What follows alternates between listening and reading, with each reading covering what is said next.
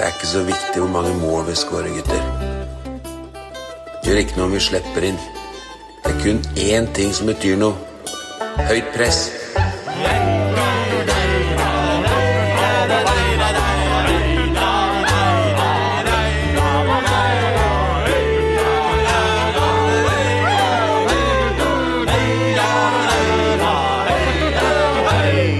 Ja, da er vi tilbake igjen med en ny episode av podkasten Høyt press. Eh, Og vi kan jo begynne med å introdusere panelet for denne episoden. Ronny Johnsen, velkommen tilbake. Tusen hjertelig takk. Eh, Og Kristoffer Arnesen, velkommen tilbake til deg også. Takk, takk. Og så får vi da gå rett på gjesten som denne gang. Eh, Hovedtrener i Mjøndalen, Vegard Hansen, velkommen. Takk. Det er første gangen du er med i denne podden, da, Vegard. Er du spent? Eh, ikke så veldig spent, nei. Eh, Det er vel ikke sånn eh, veldig mye nytt fra den forrige, eller? Nei, det, det er ikke det. det er ikke det. Nytt navn, da. Ja, Ja, ja. Nye, nye lokaler, som du kanskje har oppdaga. Lokalene er fine. Ja, ja. Nå som Ole ikke er en del av klubben sjøl lenger, så har vi muligheten til å være mye mer kritiske da, Vegard. Eh, siden dette er en frittstående pod. Ja, og, det, og jeg mistenker, Vegard, at du har, du, er, du har noen høner å plukke med oss. Jeg vet ikke om du skal ta det underveis, eller ta det med en gang? Ja, Det får nesten du bestemme. Vi sitter på pinebenken, så gjerne det. ja, ja vi sitter gjerne litt Det kommer en slagside underveis her, det kan jeg si.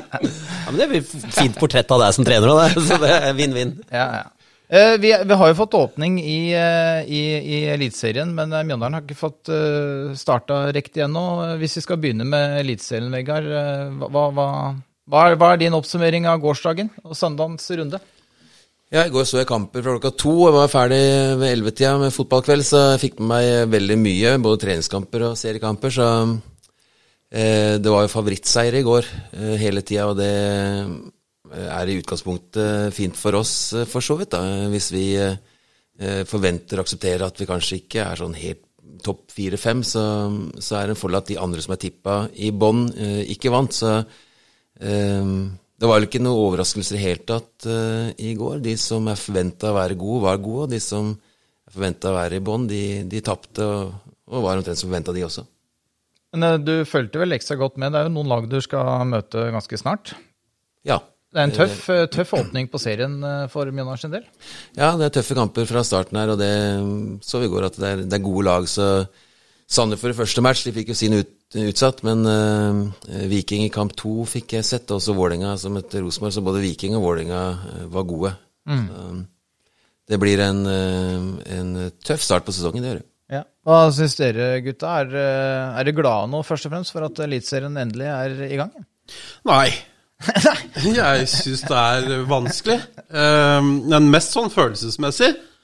Eh, Jeg, altså jeg gleder meg jo selvfølgelig, men det er liksom noe med det vi har snakka om før, at fra, fra nyttår, da må vi jo si nå, vi kan ikke si fra juleferien, for i jula så var det jo mye som skjedde, men fra nyttår til nå så er det jo mye håp, glede, forventning, eh, og så begynner det. Og med mindre poengene renner inn fra første stund, så, så blir det litt sånn nervepress, da.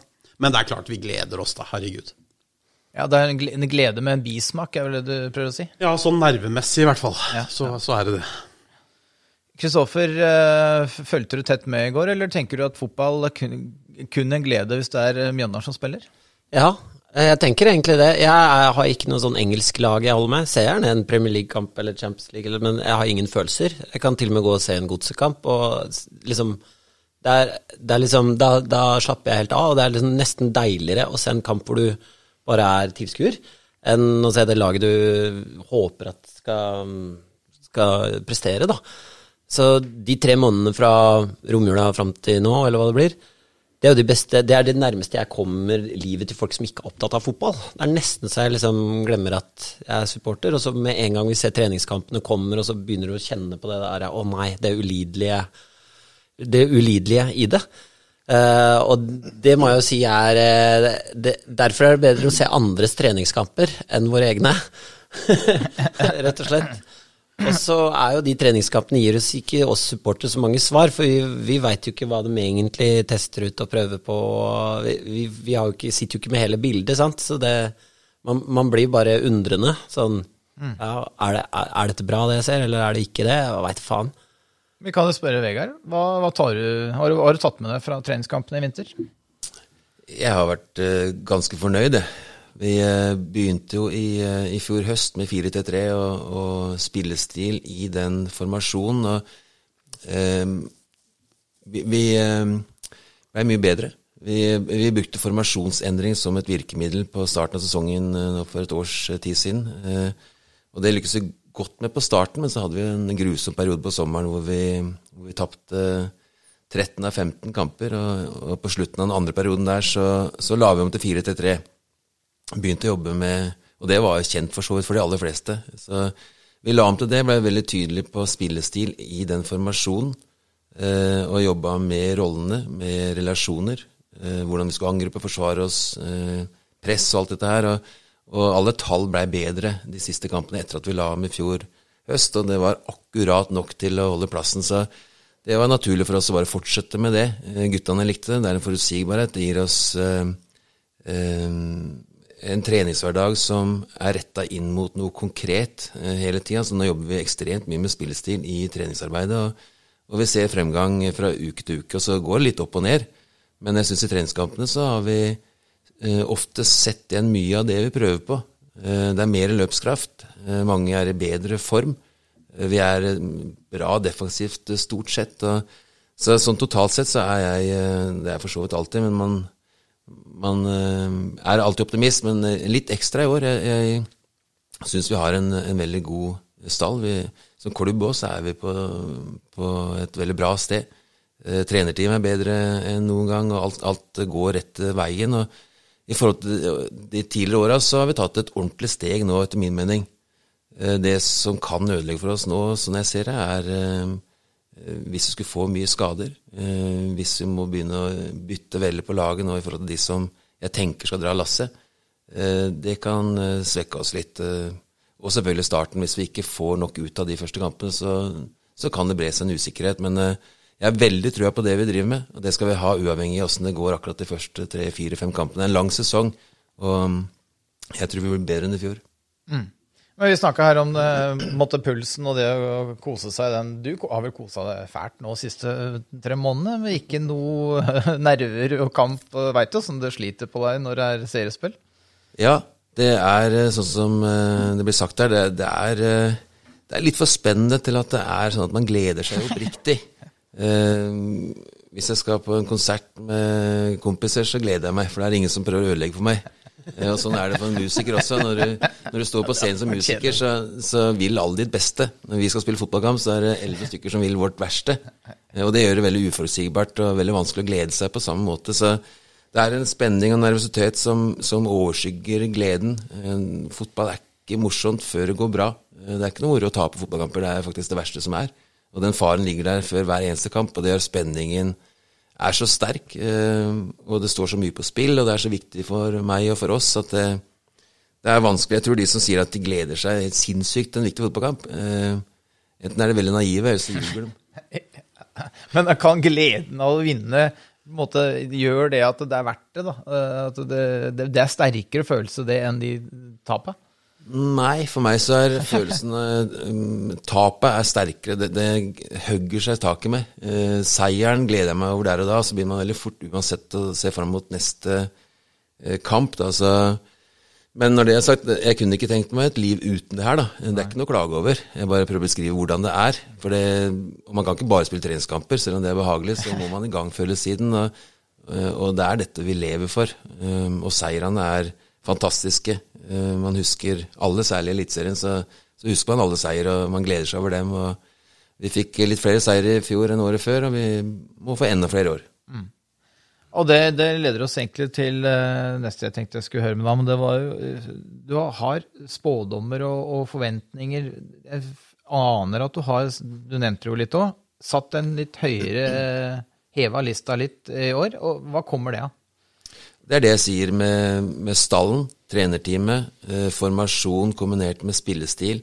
Hvordan vi har sett ut etter at vi la om i fjor høst, og ikke minst eh, i vinter. Så gjør det at jeg er mer optimistisk enn noen gang. Vi er, vi er bedre enn altså Når jeg sier noen gang, så, så eh, mener jeg min tid, da. Mm.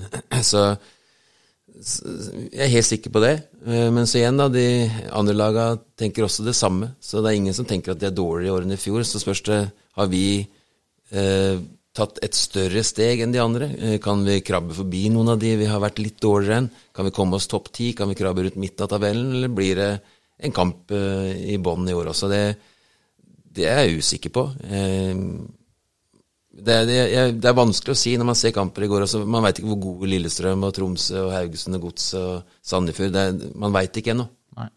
Akkurat godset veit vi jo, da. De andre veit vi ikke. Nei, vi veit ikke det. Nå var de dårlige i går, syns jeg, men det mangla mange. Så um, de kan fort få et lag som eh, er bedre mot Lillestrøm om en uke. Men eh, du, leser du tabelltips? Ja, jeg gjør det. Man, akkurat eh, kommentarfelt kan man unngå. Tabelltips det blir en tredd over huet med hele tida. Eh, og dem leser jeg fordi det er, det er gode journalister. eh, Og de har gode vurderinger av motstanderlag. Så dem leser jeg med interesse. Jeg syns veldig mange av dem er inne på, på veldig mye fornuftig, både med oss. eh, Og da tenker jeg at hvis det er fornuftig rundt oss, så er det fornuftig rundt uh, motstanderne våre òg. Så jeg, jeg leser det og får informasjon der. De er, de er godt opplest og skriver godt. og det leser jeg med, med glede. og Jeg har aldri latt meg fornærme over at det blir tippa i, i bånn. Så um, det er helt naturlig. Vi er fra det minste sted. Vi er 8000 mennesker. Minste klubben, laveste budsjettet. Selvfølgelig blir vi tippa langt ned. Ja, for jeg, jeg satt og summerte opp her nå eh, hva slags tabelltips som har kommet. Nå har ikke alle jeg fikk med meg, men eh, av de jeg har fått ramsa opp, så var det vel kun TV 2 som hadde tippa oss på 12. Ellers var det 13. og 14. plass. Og jeg tror også i én nettavisen hadde oss opp på 15., som var Nerik. Ja. Det, Men husk vi, vi har ikke forsterka oss eh, sånn utad heller. Vi har mista en venstrebekk og henta en venstrebekk. Vi har mista en spiss og henta en spiss. Eh, Resten er de samme. Så prøver jeg å si i alle intervjuer at vi, det er de som var her i fjor, som gjør oss bedre. Sammen med spillestil og, og formasjon. Så, og vi har, når jeg ser på troppen vår, så jeg kan jeg kunne ramse opp ti navn nå som jeg forventer mer av totalt sett i år enn i fjor. Eh, Så, og to henta vi på sommeren. Eh, Martin var ikke i form før langt utpå. Tony, en, Tony ser bra ut nå. Han hadde en trøblete sesong. Så, og så har jeg veldig tro på Benjamin Stokkes som, som spiss. Eh, vi valgte å selge Liseth, som hadde veldig mange gode egenskaper, men eh, fikk Benjamin inn, som kan gi oss noe annet, eh, som vi bygger det offensive rundt. og Hvalstad er en tøffing på venstrebekk. Så jeg tror at vi, er, eh, vi har erstatta de som har eh, gått eller blitt solgt, eh, og vi har utvikla de som var her i fjor. Og de yngre blir et år eldre, og ett år fra 18 til 19, 19 til 20, det er ganske mye. Det er ganske mye bedre på et år. Så alt dette her tilsier at vi blir bedre, og så er det umulig å si i fotball. Får vi en dårlig start, så kan det prege oss. Får vi en god start, så tror jeg vi kan flyte veldig utover. Men, men er det sånn at eh, skal, bli, Vil du helst at uh, disse ekspertene tipper deg høyt, og at du får liksom mye boost sånn sett, eller er det fint å bli, være en liten underdog? Uh, nei, jeg syns det hadde vært hyggelig hvis man tippa oss høyere. For det har gjort noe bra i de siste ukene og månedene. Så um, nå påvirker ikke dette meg hele tatt, bare for å si det. Men uh, det hadde vært hyggelig om man tippa oss høyere. De, de gangene noen skryter av oss i pressen, så, så syns jeg det er hyggelig. Eh, Hva sier dere, gutta? Altså, blir Mjøndalen konstant undervurdert i rikspressen? Fordi, som Vegard sier, er- vi er en liten klubb. Ja, altså det, vi, det er jo som vi har vært inne på, at vi, vi har jo en tendens til at hver eneste kamp teller. Og har vi vært i førstedivisjon, så handler det kanskje om opprykk, og så fort vi er i Eliteserien, så handler det om nedrykk. Så det er jo kanskje ikke så rart. Og så har vi har vel eh, klubben også snakka litt om at man skal gjøre litt sånn Man har noen unge gutter man har lyst til å prøve. Det er kanskje et usikkerhetsmoment, da, og tør man det? I frykten for at det kanskje skal gjøre at man havner lenger nedover på tabellen. For, eh, for det hjelper jo ikke med noen få innhopp heller. Må liksom, noen må jo få lov til å spille mer. Så det, det er jo jeg, jeg, jeg skjønner det jo. Eh, men samtidig så syns jeg jo vi sparker godt fra oss. I hvert, hvert, fall, I hvert fall den siste kampen i sesongen i fjor, eh, så var vi jo veldig gode. Nei, men altså, jeg tenker at eh, Jeg syns ikke det er så rart, jeg. Og jeg er kanskje mer komfortabel da, med at vi blir tippa nedi der. Jeg, jeg satte opp tabellen, eller det kan jo Det fins jo eh, metoder på internett som kan sette opp tabellen siste ti i rundene, og da var vi midt på tabellen. Eh, siste ti rundene i fjor, og det virker ikke som eksperten har fått med seg, for det laget er jo i all hovedsak med videre. Nei, altså det, det mange av dem gjør, da, det er at de ser på uh, hva gjorde de i fjor. Jo, holdt seg så vidt det var. Uh, året før holdt seg så vidt det var. Ikke noe forsterka med tanke på mannskap. Totalt i fjor skåra 26 mål. fått inn Benjamin Stokke, som sikkert er litt sånn usikkert kort hos enkelte, selv om vi har veldig tro på han. Så altså, den journalisten som tippa oss på tiendeplass nå, måtte vært dum. Altså, det er jo ingenting som tilsier det, bortsett fra det vi sjøl veit og håper og tror. Men du kunne gjerne tippa oss på tiende, vel? Nei, skulle jeg tippa, så, så ville jeg tippa mellom kvalik og tiende et sted. Der Ja, ok. eh, tror jeg Ja. kanskje vi kan klare, men eh, det kan godt hende vi får det tøft i år òg. Det kan godt hende vi må kjempe helt inn. Og nå i år så bør vi ha nok poeng før akkurat de siste rundene, for dem er hardere enn i fjor. Nå kan vi ikke basere oss I fjor hadde vi, hadde vi Godset, Start og Ålesund som vi visste vi måtte vinne, og det gjorde vi. Det er ikke så lett å finne den type kamper de siste fem kampene. Noen er det, men ikke så lett. Hvis du tenker på klubbens omdømme, altså Mjøndalens standing da, blant publikum, så skulle jeg gjerne sett en undersøkelse om hvem som har eh, Mjøndalen som et favoritt andre lag. De aller fleste i Norge heier på et lag av de som er interessert. Og så har man noen man liksom Ja, jeg syns også dem er litt eh, Det har liksom litt kjærlighet eh, ekstra å gi til noen. Og der tror jeg Mjøndalen kommer veldig høyt opp. Nettopp fordi det alltid har vært en sånn uttalt underdog, klarer seg med mindre ressurser, litt eh, Ja, det er på en måte Reodor Felgen, da, ikke sant, som kommer med stiller til start med kanskje litt andre forutsetninger.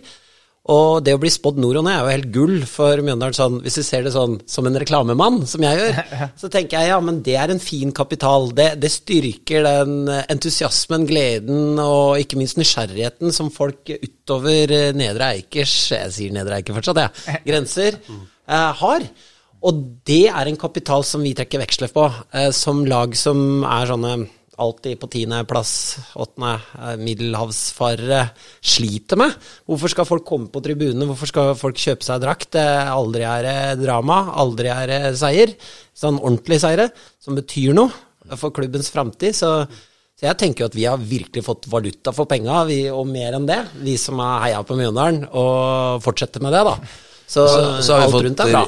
Ja, så er det ofte spennende kamper, og det er eh, drama av en eller annen grunn. Eh, både Vålerenga-seieren eh, vant 1-0, og de minuttene etter, når vi venta på resultatet i Tromsø.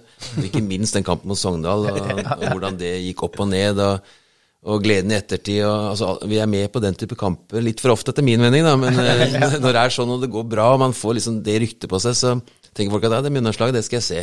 Så jeg tror du har rett. Jeg opplever det ofte. Jeg får masse henvendelser rundt om fra hele landet som lurer på forskjellige ting inn mot fotballen i, i Mjøndalen. Så ja, jeg, jeg tror du har rett i det at vi har en OK standing rundt om i landet.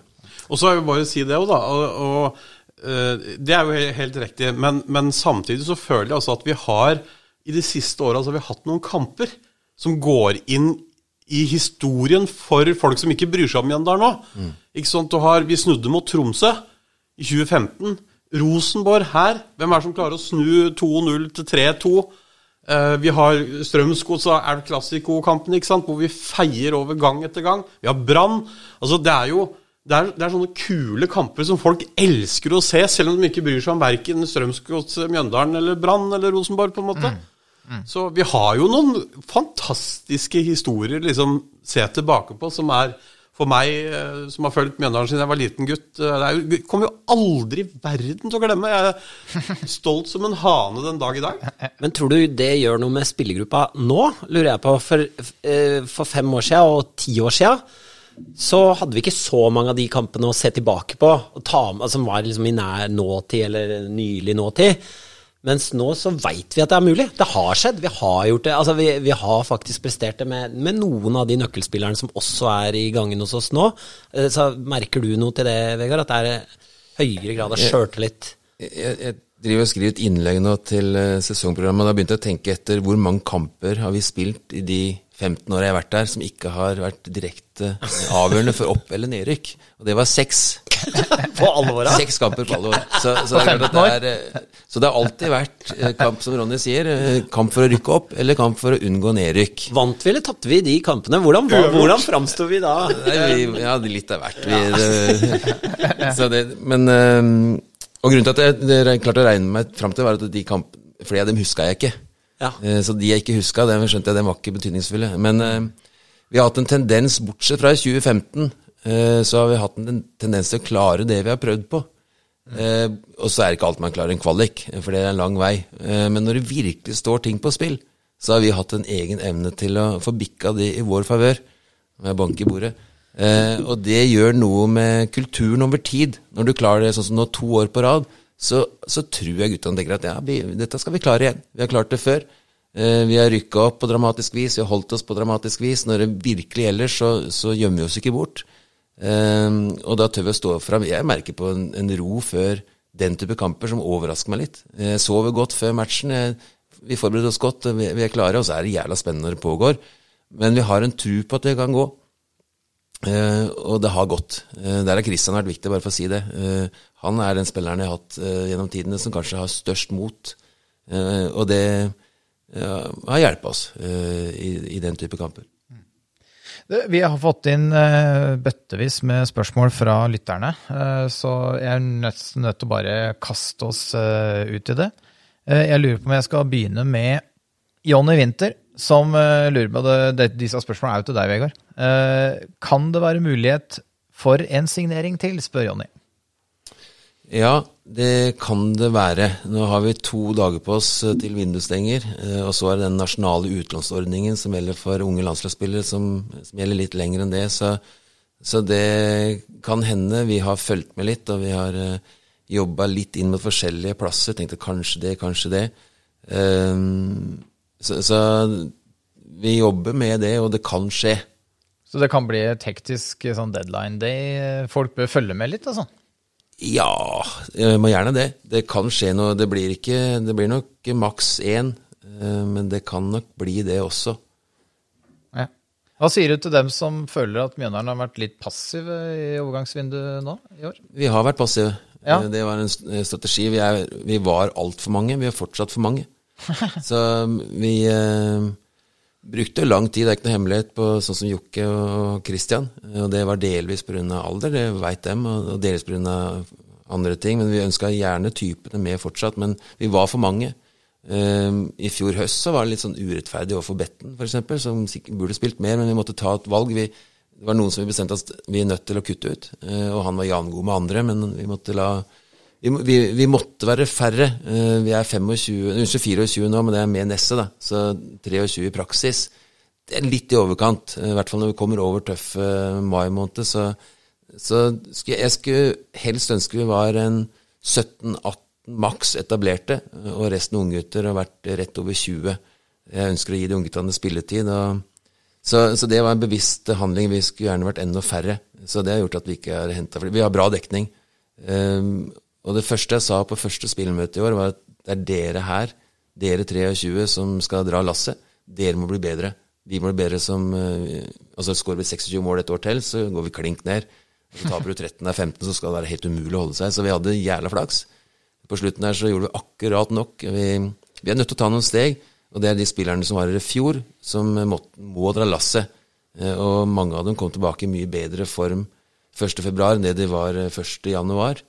Eh, og det har vært viktig. Det, det, ser vi nå. At det er flere av dem som eh, Av de etablerte, særlig de yngre, er det ikke noe problem med, med form. Men de etablerte har en tendens til å ta ferien litt for mye ferie. Mm. Men det gjorde de ikke i år, og det har vært godt gjort, og de kommer til å få betalt for det. Men når du sier signering, blir jo nysgjerrig, da. Er det en sånn kioskvelter, dette her, som folk kommer til å Vi, vi har ikke noe navn, for så vidt. Det har vi nå, men vi det er veldig usikkert nå. Altså, okay. vi, Men er det penger til å bruke? Eh, ja, det er det for så vidt. Nå, nå klarte vi oss veldig fint i koronaåret. Eh, det kom delvis, eller ikke bare delvis kom, Jo, det er to ting. Det ene er at vi er små. Mm. De minste klarer å snu seg litt raskere enn de store. Og, og, en liten økonomi lider ikke så mye som en stor økonomi av en sånn krise. Så, og det visste jeg. Jo jævligere det blei totalt sett, jo bedre kom vi til å komme ut i enden. Og sånn blei det. Og sånn blir det i år også. Så det er den ene tingen. Og vi har en robust, solid økonomi. Ikke stor, men veldig solid. Eh, og så var det det salget av eh, deler av nybygget vårt mm.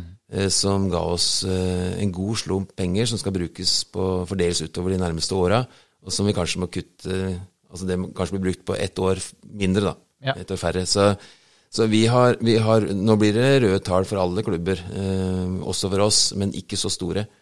Men litt rødt blir det både i fjor og i år, så, men vi har, så vi er forsiktige.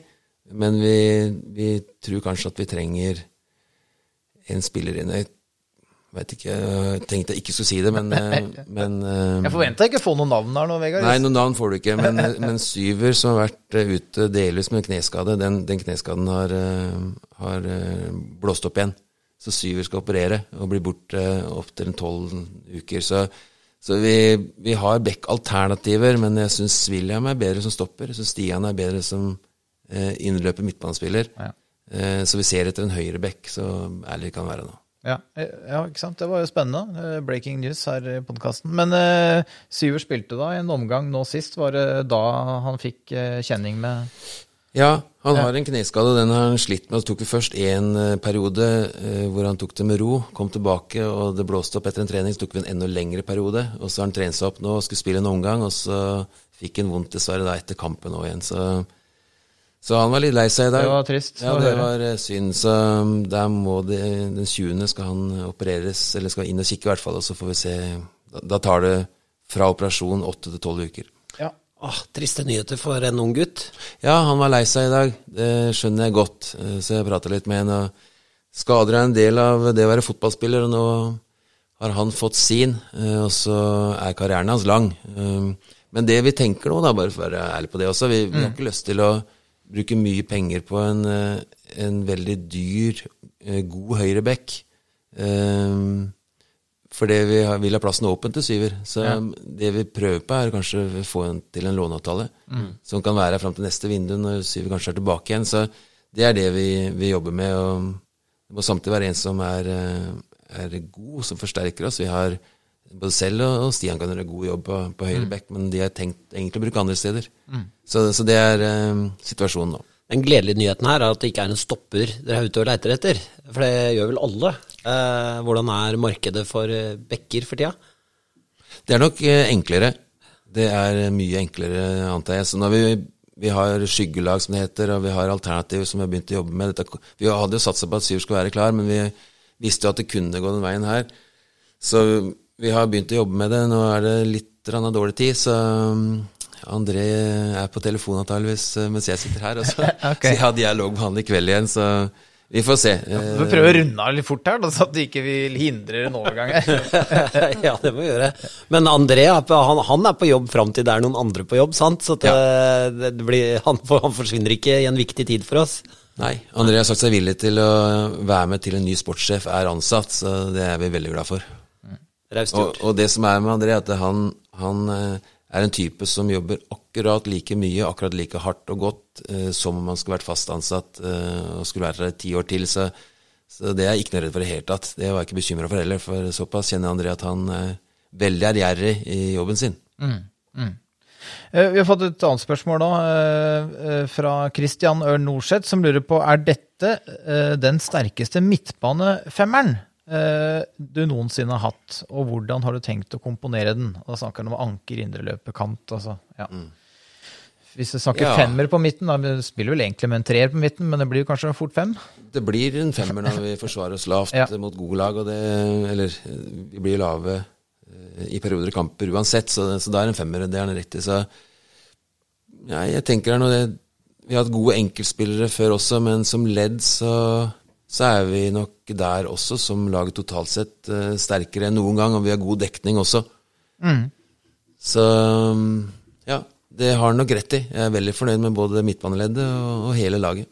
Ja, for du, hadde jo, vi ha- hadde jo noen gylne år. Vi må jo tenke at laget var jo lagd for den divisjonen vi spilte i. Altså, rykka opp i 2006. eh, var jo også sterk midtbane for tredjedivisjon å være. Eh, og du hadde jo også en bra, bra i 2014. Men, men du, du vil likevel putte denne her eh, aller øverst? Ja, det er vanskelig å sammenligne, i hvert fall eh, ti år tilbake så er det nesten umulig. Men eh, vi er på et mye høyere nivå, og dette er spillere som, som skal klare seg på øverste nivå i Norge. Og det var jo ikke sånn i 2006, og ikke for fem år siden heller. Så, så nei, jeg tror den, det laget vi har nå, midtbanen også, er, er det beste vi har hatt. Mm. Spørsmålet her fra Eigil Nikolaisen. Han lurer på er det akseptabelt å rykke ned hvis det innebærer at de unge har fått mye spilletid og vi kan utvikle en ny generasjon toppspillere? Nei, Nei. Så det, Ikke akseptabelt å rykke ned, nei. for, det, for det er jo litt sånn folk fort tenker da, når du, du går ut i media og sier at vi skal satse ungt, og det er liksom på toppen av prioriteringslista. Så tenker folk automatisk å ja, så da, men da blir det fort nedrykk. det det er ikke på toppen av prioriteringslista. Nei, ok. Men det er på lista veldig høyt opp, mye høyere enn før. Eh, Ja. Det er sagt da eh, Altså, vi, vi har en generasjon unge spillere som akademiet vårt har fått fram nå. Eh, det er eh, mange. Det kommer stadig flere. Og så skal de matches forsiktig inn. Det er ikke sånn at vi skal dytte inn tre og fire i en startelver. Vi skal, Syver hadde kommet og spilt eh, fast, det er jeg ganske sikker på. Skistad er den nærmeste, han kommer til å få mye spilletid. Og så har vi flere andre som kommer bak der. Eh, Men det er ikke sikkert altså Skistad har mye å lære defensivt, f.eks. Så både duellspill og posisjonering og intensitet Han er en fantastisk offensiv spiller som har god løpskraft, eh, men han må lære seg å takle, han må lære seg å heade, han må lære seg å dekke rom. Så det er mye han ikke eh, har jobba med, i hvert fall på Konrud. Han var der. Vi har jobba så godt vi kan med han siden han kom hit, og vi har kjempetrua på Skistad. At han skal starte eh, 20 kamper for oss i Eliteserien, det er ikke sikkert. Men han kommer til å få spilletid, for han er veldig god på det han er god på. Men det er noe flere aspekter i fotballen enn en akkurat den offensive biten som han naturlig er god på. Så, så han jobber med og skal bli, han skal bli bedre. Han skal utvikle seg eh, gradvis, men eh, det er den defensive biten vi jobber med han med. Men er ikke det å gi dem kaste dem ut ulvene og gi dem spilletid, er ikke det måten å få dem bedre på? Jo, du må Det er én måte å slå henne på, det er å få lov til å spille. Mm. Og det skal han og de som gjør seg fortjent til det, men eh, det går ikke på bekostning av, eh, av helheten. Vi, vi må porsjonere dette her ut. Vi må ha et lag som kan eh, slå fra seg. Eh, Vi veit jo hvor marginalt det er for å holde seg, så, så, så det er det aller viktigste. Eh, Men vi legger opp til at de skal få spilletid. Vi eh, vil ha færre og færre i troppen. Eh, vi har kutta ut noen av de etablerte for å gi plass til de yngre, men så det er ikke noe automatikk. Nå ser man rundt om i de beste lagene i verden, så har man 17-18-åringer som er helt eksepsjonelle talenter, som får spilletid i de beste lagene. Eh, Så um, det er mulig, men det er mange som ikke slår gjennom før de er et par og 20 år heller. Så det er nok mer normen. Eh, 20 par og 20. Eh, Så de må ha tålmodighet. De må være utålmodige i å få utvikling. Eh, Tålmodighet når det gjelder spilletid. Så skal vi porsjonere det ut og bruke dem når vi syns det er riktig. Hvor, hvor, hvor, hvor, hvor, eh, mye lider av at eh, serien ikke ser ut til å komme i gang i tredjedivisjon? I hvert fall ikke riktig ennå. Hele fjoråret ble jo avlyst. Ja, det var veldig synd i fjor, og nå blir det Sånn det ligger an til nå, så blir det en enkel serie som starter i august, så det er bedre enn ingenting. Men eh, eh, det har vært en utfordring, og det å spille så lang tid uten tellende kamper, det, det er kjedelig, og det er litt lite motiverende for dem også, så, så det har vært eh, Hvis det er, eh, tar du- hvis det er Nevstad som ringer, Vegard, så har du tillatelse til å ta den. Dette er faktisk eh, Det er en telefon som jeg burde tatt. Ja, men ta den, du. Vi kan fortsette, vi. Så bare kommer du inn igjen. går inn, så Det går går bra. bare rundt hjørnet. Nei da, det går Ok. Da, ikke legg skylda på oss nå hvis er en sånn overgang nå strander. Tenk deg kommentarfeltet, Ole. Nå ble vi Bare et kjapt spørsmål, Vegard. Eh, Sånn unggutter og sånn, hvis det på en måte ikke skal true noe helhet og sånn, er det Hvis, hvis, dere er, hvis, hvis vi er mer reindyrka på spillestil, blir det lettere? Ja. I forhold til at folk veit hva egentlig de skal gjøre, dit de blir putta inn hver gang. Absolutt. Mye lettere, og dette passer fint inn i den tankegangen vi har. Og vi, jeg kjenner Bjarne godt, jobba mye med Bjarne, og vi, vi snakker spillestil og formasjon, og de spiller på samme måte som oss. Eh, Og det gjør det lettere for juniorlaget å komme opp eh, på A-lagstreninger. Nå er det jo pga. koronaen ikke lov til å hospitere. Så de vi har med nå, de må være med over en viss tid, og det, nå er det mange som er med. Eh, Vi har tatt opp to nå i det siste også som, som er med oss. Så, så det er veldig artig, og de klarer seg kjempefint. Eh, og så vil Bjarne også jobbe nedover mot eh, 19-17-15-gruppa, så, så vi ønsker å, å eh, Vi har satt vår spillestil, vår formasjon, og det, det er satt i spillestilsdokument. Uh, og det skal dryppe nedover i systemet, sånn at man er klar for juniorlag når man kommer dit, man er klar for A-lag når man kommer dit. Så det vil hjelpe helt sikkert for forståelsen. Og de er klare f.eks. hvordan man låser av en femmeter. Eh, hvordan man eh, spiller etablert. Det er mange faser av spillet som, som nå er satt, eh, og som de unge kan ha kjennskap til før de kommer på A-treninger. Men 17 kamper ut, da. og så er vi skikkelig bakpå. Blir man frista til å liksom gjøre noe da? Ja, det, det, det kan hende. Vi, vi ønsker å forbedre og ikke forandre for mye. Vi, vi har eh, vi, vi kommer til å, mot 4-3-3-lag hvor ankeret til motstanderen er dominerende, f.eks. sånn som Godset var mot oss første omgang eh, på høsten i fjor, så snudde vi veden og tok ut eh, Jack eh, og markerte på midten og fikk kontroll på kampen. Så det er ting vi kommer til å benytte oss av. Når vi møter gode 4-3-lag, så er motstanderens anker en utfordring. Hvis vi skal ned med vår spiss på han, så blir vi veldig lave. Så um, det å snu veden, det kan vi gjøre. Og så kan det godt hende også mot eh, de eh, som spiller med trevekstsystem, uh, Sarpsborg og Tromsø, at det lønner seg da å markere ut wingbackene deres og, og spille med en trio bak. Så det er de to innrømmelsene vi kan gjøre. Eh, men vår eh, hovedformasjon er 4-3. tre. Vi har fått inn et spørsmål fra Trond Eliassen, eh, din eh, tidligere assistenttrener. Han eh, lurer rett og slett på, og det passer veldig godt eh, inn på det vi har prata om, hvilken norsk spiller ville du helst hatt i troppen? Og så da nevner han altså fra Eliteserien, påpeker han det. Og det, det går jo, passer jo fint inn nå, da, som vi snakker om eh, at vi leiter etter en liten uh, variant på høyresida der. Er, uh, hvis du kunne velge helt fritt. Ja, en høyrebekk nå altså det, er jo, det er jo lønnskostnad Er, er det Nei, du- fritt for det? Ja, helt fritt. Her, her må du ikke tenke pengepåsen. Her må du bare kjøre på. Hvilken spiller kunne tenkt deg? Og du må ikke tenke bare høyrebekk, da. Det kan jo være Jeg synes den virker Altså, en vi kunne fått bruk for, eh, og solgt, det er vel han Fofana i Molde. Han de henta der. Det virker som et helt eksepsjonelt eh, talent. Ja.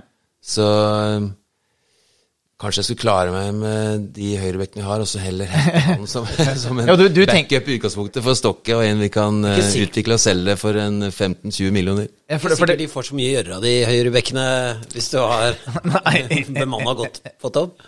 Så du, du var mer opptatt av hva, egentlig, hva vi kunne selge den for, enn hva vi fikk ut av den i løpet av Ja, han ser jo god ut, og det lille jeg har sett han i Europaligaen også, så jo han fantastisk ut. Ja. Um, men det, akkurat det vi har mest bruk for akkurat nå, er jo da en høyrebekk, det vi leiter etter. ja, jeg skjønner det.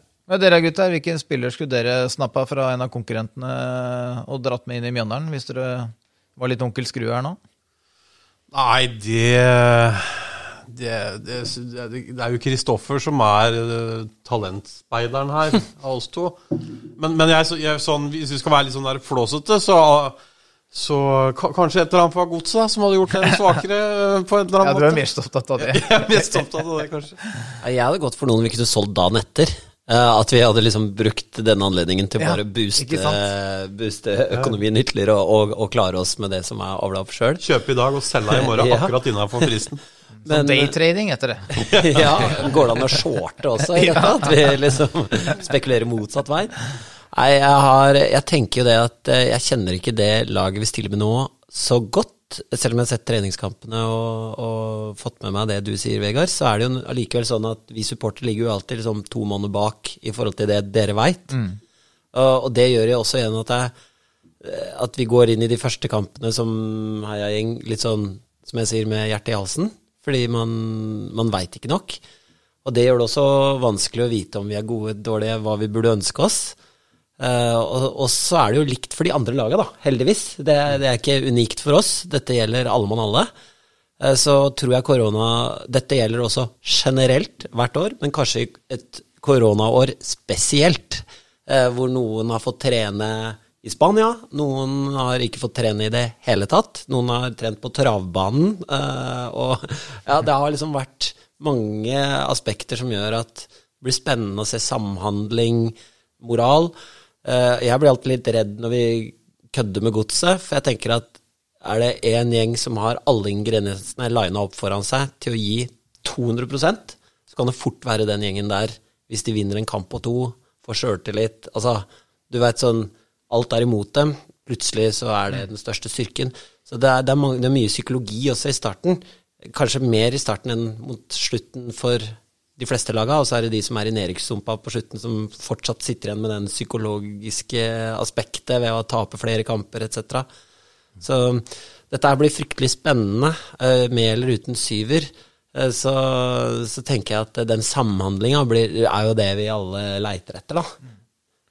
Og så kunne vi sikkert hente han der Bod, Er ikke Botheimen da fra Bodø-Glimt som skåra etter åtte minutter? Det er jo alltid ålreit å ha sånne på topp.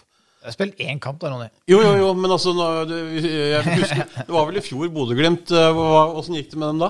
Så De, de, har jo, de har jo klart seg Ja, ja, fint. ja, Har ja, jo noen flotte spillere. Men Birk Risa ville jeg lansert. Er ikke han høyrebekka? Venstrebekk. Han er venstre. Fader. Da falt den gjennom. Åssen er det høyrebeinet hans? kan vi bruke den der likevel, da? Eh, Vi har fått spørsmål fra Ian Stewart, eh, en britisk supporter. Han skriver på engelsk, jeg skal prøve å oversette. Eh, Det går vel med på Har du vurdert å se til England for rekruttering av spillere? Altså, Er det noe som kunne Er det et marked som er eh, aktuelt for, for deg? Ser du noe til utlandet i hele tatt? Ja, og vi får jo masse tilbud, men eh, det engelske markedet nede i divisjonen er ikke det vi ser mest på, nei. Nei, jobber ikke aktivt mot utenlandske spillere. Nei. Hva, hva, er det, hva kommer det av? Vi, vi har vi, Allerede skal vi ha spillere bare fra Arbeidergata. Ja. Eh, Og så går ikke det, og det går ikke i Buskerud, det går ikke i Norge. Så, men vi, ønsker, vi ser først i nærheten da med kultur og det å forstå eh, hva Mjøndalen er. Eh, og så eh, vi, vi, vi, Akkurat med spillelogistikk så, så er det den viktigste oppgaven en ny sportssjef eh, skal ha hos oss. Vi, eh, Andrea treffer godt, eh, og sånn totalt sett opp igjennom så, så har vi eh, ofte lykkes med, i hvert fall i, i Obos-ligaen. Vi har ikke alltid hatt ressurser til å lykkes like godt i Eliteserien, men og Kenneth og jeg, det er bare å være ærlig og si at vi, vi hadde ikke nok tid til å For det er enormt tidskrevende. Og vi har hatt forskjellige hjelpere, og da er man prisgitt det markedet de hjelperne har kontroll på. Eh, For en liten klubb som Mjøndalen, eh, med to som driver med spillelogistikk litt med venstrehånda, så, så er det veldig utfordrende å ha kontroll over For det, det er vanskelig. Og så har vi brukt som sagt forskjellige hjelpere som, som har hatt sine områder, og, og England har ikke vært en del av det. Men Sverige har dere vel vært eh, litt innom? Ja, Sverige har vært god kontroll. Sverige og Norge selvfølgelig. Ja. Eh, Skandinavia for så vidt. Eh, Det er der vi har eh, Og så har vi fått tilbud om eh, veldig mye rart, får jeg si.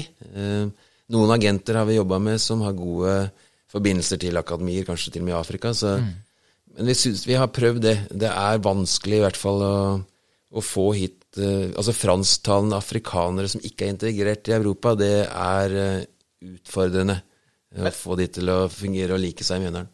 Men har du noen gang opplevd at du har fått en sånn her, um, vilt eh, forespørsel da, som dere har bare avfeid sagt nei, nei, han der, eh, det gidder ikke du ikke tid på, og så har han slått gjennom et annet sted? Har du noen gang opplevd det? Som du har tenkt fader Vi har takka nei til mange spillere som, vi, som har slått gjennom seinere, men det er spillere som vi har kjent. Ja, har jeg tenker mer sånn ukjente. Nei, det, det veit jeg Nei, ikke. nei. Eh, Altså når vi har, For det må jo i så fall være bittert. Ja, eh, det vi bruker hjelpere til, er egentlig å vaske sånne lister. Mm. Eh, Vi får jo mailer, mange mailer hver dag, som Mm. vi sender videre til de som hjelper oss. Og så er det de som sjekker, for det er tidkrevende det også. Mm. Og så er det de få som er interessante i den posisjonen vi eh, ønsker spiller, som de går videre med og sjekker. Og så etter to-tre runder med, med spiller og sjekker tilgjengelighet og pris, så kan hende det komme på bordet mitt. Ja. Og så setter jeg meg inn i spilleren. Men det, det Altså, treffprosenten på antall mailer, altså det er nok Jeg veit ikke om det er en promille engang, jeg. Nei. Men det var litt kult med å ha de amerikanerne hos oss, syns Ja, jeg. For er der, der ikke bare var de kjapt integrert eh, med kommunisten Lars Arne, som eh, leksa opp for dem eh, hvordan sosialdemokratiet funker i praksis, og alle de fine verdiene det bringer med seg. Men først og fremst fordi spillerne våre på den tida var veldig humble. De var liksom jordnære og forsiktige i forhåpningene sine. Og så kom liksom Brett inn og sa 'We are going to the tippeliga for fuck's sake', og dere printa det på ryggen på jakkene deres. Og, og den amerikanske tilnærminga til at eh, ja, men dette her kan vi faen meg klare. Det var så deilig frisk luft blant alle disse liksom eh, forsiktige norske gutta, da.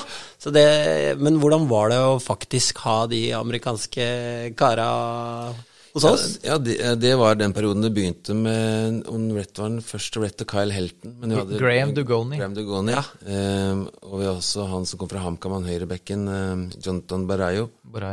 Alle de var amerikanere, og det var gjennom en, eh, en kontakt som hadde eh, kontakter der borte. Så nei, Amerikanere er fantastiske å jobbe med. De har så selvtillit, ikke på bare egen vegne, men på klubbens vegne. Altså, de skal bli best. De ser ingen alternativer. Eh, Så jeg blei jo overraska da vi Altså da Rett kom, jeg snakket med han, så han skjønte ingenting at vi skulle prøve å bli topp seks. Altså han, vi skal vinne denne serien her. Det var i Obos-ligaen, så det, han liksom stussa. Skal vi ikke vinne? Og det samme ja, når vi, når vi rykka opp, så, så han, det var ikke noe alternativ for amerikanerne å ikke vinne den kampen, eh, og, og vinne alt. Så, så det var veldig deilig å ha sånne. Og så- var det herlige typer. Rett var en fantastisk eh, ærlig fotballspiller. Eh, det var Graham Dugoni også. Eh, og, alle, og Kyle Helton var jo også, Han hadde skadeproblemer, men var jo ekstremt rask. Altså Han var en fantastisk høyre back, skråstrek, eh, anker. En sånn internasjonal type som kunne gå hele veien gjennom, og som, som back, og som dekte veldig rom som anker. Så amerikanere, det er veldig lett å, å få integrert her. Og de liker seg overalt. Og de går hiking, og så er de borte en dag. Og så, altså, de liker seg på sånne ting òg. Så nei, det var fine gutter. Nå er det vel nesten en vaksinert hele gjengen der borte som må kunne få over noen. Jeg spurte han, eh, jeg tror det var Rett som fikk skjegg på et tidspunkt. Ja da. Så spurte jeg hvorfor har du fått skjegg. Det var så jævlig kaldt å kjøre moped opp til Mjøndalen. Det gjorde han jo eh, til eh, vintersesongen var godt på gang. Og da, da var han så forfrossen i ansiktet, så da grodde han skjegg. Da hadde han Jo, han, hvis han barberte seg på morgenen, så var han skjeggete på kvelden, da. Han hadde pels over hele kroppen, så han var, han var harding. praktisk kar. Eh, Stian Torperud har et eh, spørsmål til deg, Vegard. Eh, er det noen i Mjøndalen i din tid fram til det første opprykket i 2015 som hadde glidd rett inn i dagens førsteelver? Er det noen av de spillerne til og med 2014-sesongen som du gjerne skulle hatt med deg i dag? Du har jo fortsatt Gauseth med deg, Gauseth er og der. Jokke. Ja, vi hadde noe, vi har hatt Altså, Kyle Helton, eh, siden du nevnte han, da, skadefri. Ja, right. Måten han Nei, Redd av hadde taktiske utfordringer. Ja. Men Kyle Helton, han var både fotballsmart og rask. Altså, han kunne spilt høyreback og, og anker. Uh, han hadde internasjonalt snitt over seg. Hvis du husker mot uh, Asante, da vi slo Start 3-0 i året, så spilte han venstre back. 2012. Tok Asante helt ut av, av kampen. Så, så han uh, var litt sånn forut for sin tid med den farta si. Måten han dekka rom som, som anker. Så han er en av dem, men vi har hatt mange gode spillere. Altså. Eh, jeg husker ikke hvem som kom, kom når, jeg, men eh, Kirkevold eh, er jo, Ja. kunne vært på blokka, kunne ja, ikke det? Ja, Pål var fantastisk. Han er en av de vi har lykkes best med da, å, å få tak i akkurat rett før han slo gjennom. Så ja, Pål var god. Uh, ja, de to, kanskje. Ja, ja. Og når du først er inne på Pål, så jo, um, har du henta tilbake en uh, som var spissmakkeren uh, til Kirkevold en gang i tida. Uh, Benjamin Stokke. Har fått spørsmål her fra noen ja, fra Knut Børre Lindbjør, som lurer på Stokke. Hva slags forventninger det går an å ha til han i år? Han stiller som spørsmålstegn ved at det ikke er blitt skåra i treningskampene. Eh, om han liksom på en måte Er det lov å håpe at han skal bli toppskårer og kanskje opp på tosifra? Ja, det, vi håper det. Han er uh, veldig villig til å komme seg i boks. Han er, har et sterkt ønske om å skåre mål. Det er ikke alle eh, møtespisser som, som er like opptatt av det. Noen er sånn at de er fornøyd med å få et oppspill, og så er de ikke så hissige på å komme seg inn i boks. Men han, han er det. Han ligger i toppleddet, han er et oppspillspunkt. Han er en veldig god relasjonsspiller. Måten han satte opp eh, eh, Martin, var det det, og, og den straffa vi fikk Sveen. da Sveen kom. Altså den type eh, perfekt tima gjenlegg eller eh, stikker gjennom ledd, der er han fantastisk god. Det venstrebeinet er følsomt. Eh, får han skuddmuligheter i 16-meteren, så vil han treffe mål. Han er tøff i lufta. Vi har ikke som lag klart å, å finne han nok ennå. Eh, og det blir litt for lange oppspill og litt, litt for høye, og så, og så blir det litt eh, vanskelig innimellom. Men de gangene vi klarer å finne han i fot, så er det veldig kvalitet. Så um, det er eh, mye vårt ansvar som lag å få satt han i situasjoner så høyt som mulig i banen, at vi får eh, spilt kanskje lag lavt nok, at vi kommer til innlegg, at vi får brukt han der han er god. Han kommer ikke til å kanskje eh, Han er ikke den aller hurtigste sånn i bakrom, men han stikker også inn i boksen hvis han får muligheten til det. Men, men hvis vi ligger lavt, så, så er han et oppspillspunkt. Så vi må komme oss høyere i, i banen og komme til innlegg og få satt opp han inn i boksen. Da kommer han til å bli effektiv. Så vi har ikke fått sett eh, Stokke på sitt beste ennå, er det du prøver å si?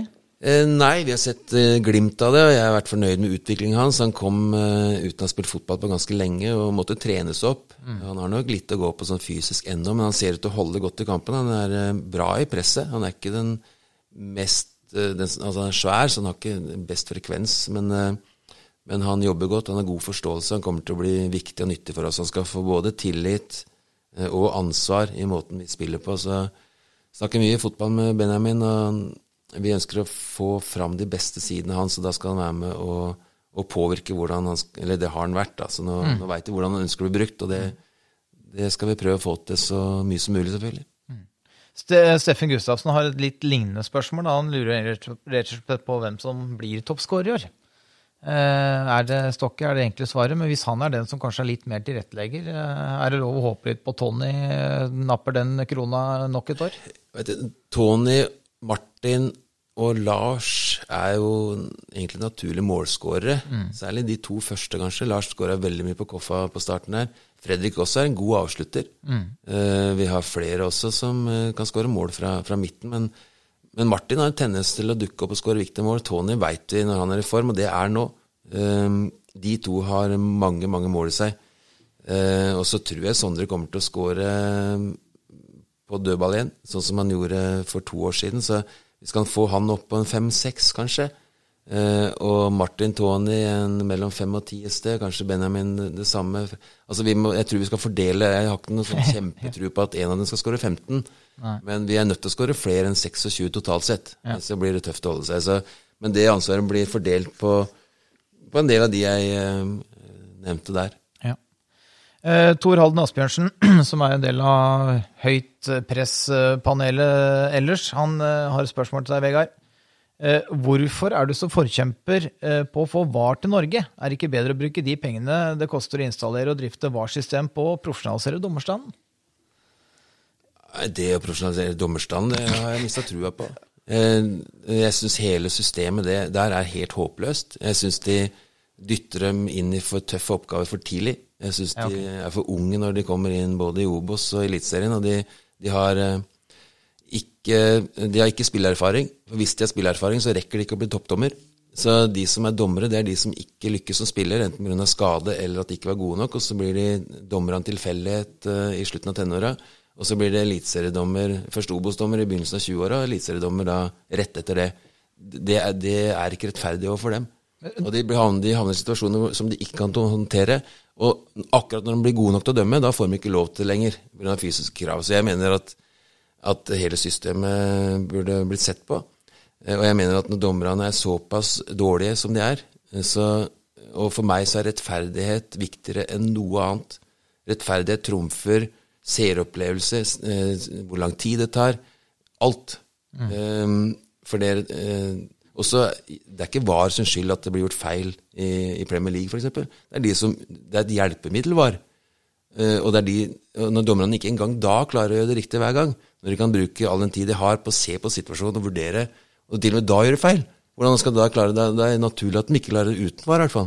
Jo, men er ikke det et bevis på at VAR ikke funker? Når, når du ser De klarer jo ikke å dømme, og du sitter med målinger med millimeters avstand, og det blir helt parodi Det funker stort sett. Altså det, er, det er veldig mange ganger som VAR redder et feil, en feil dommeravgjørelse. Veldig ofte. Og så er det noen få ganger det blir gjort feil, men det er menneskelig feil. Det er ikke VAR sin skyld.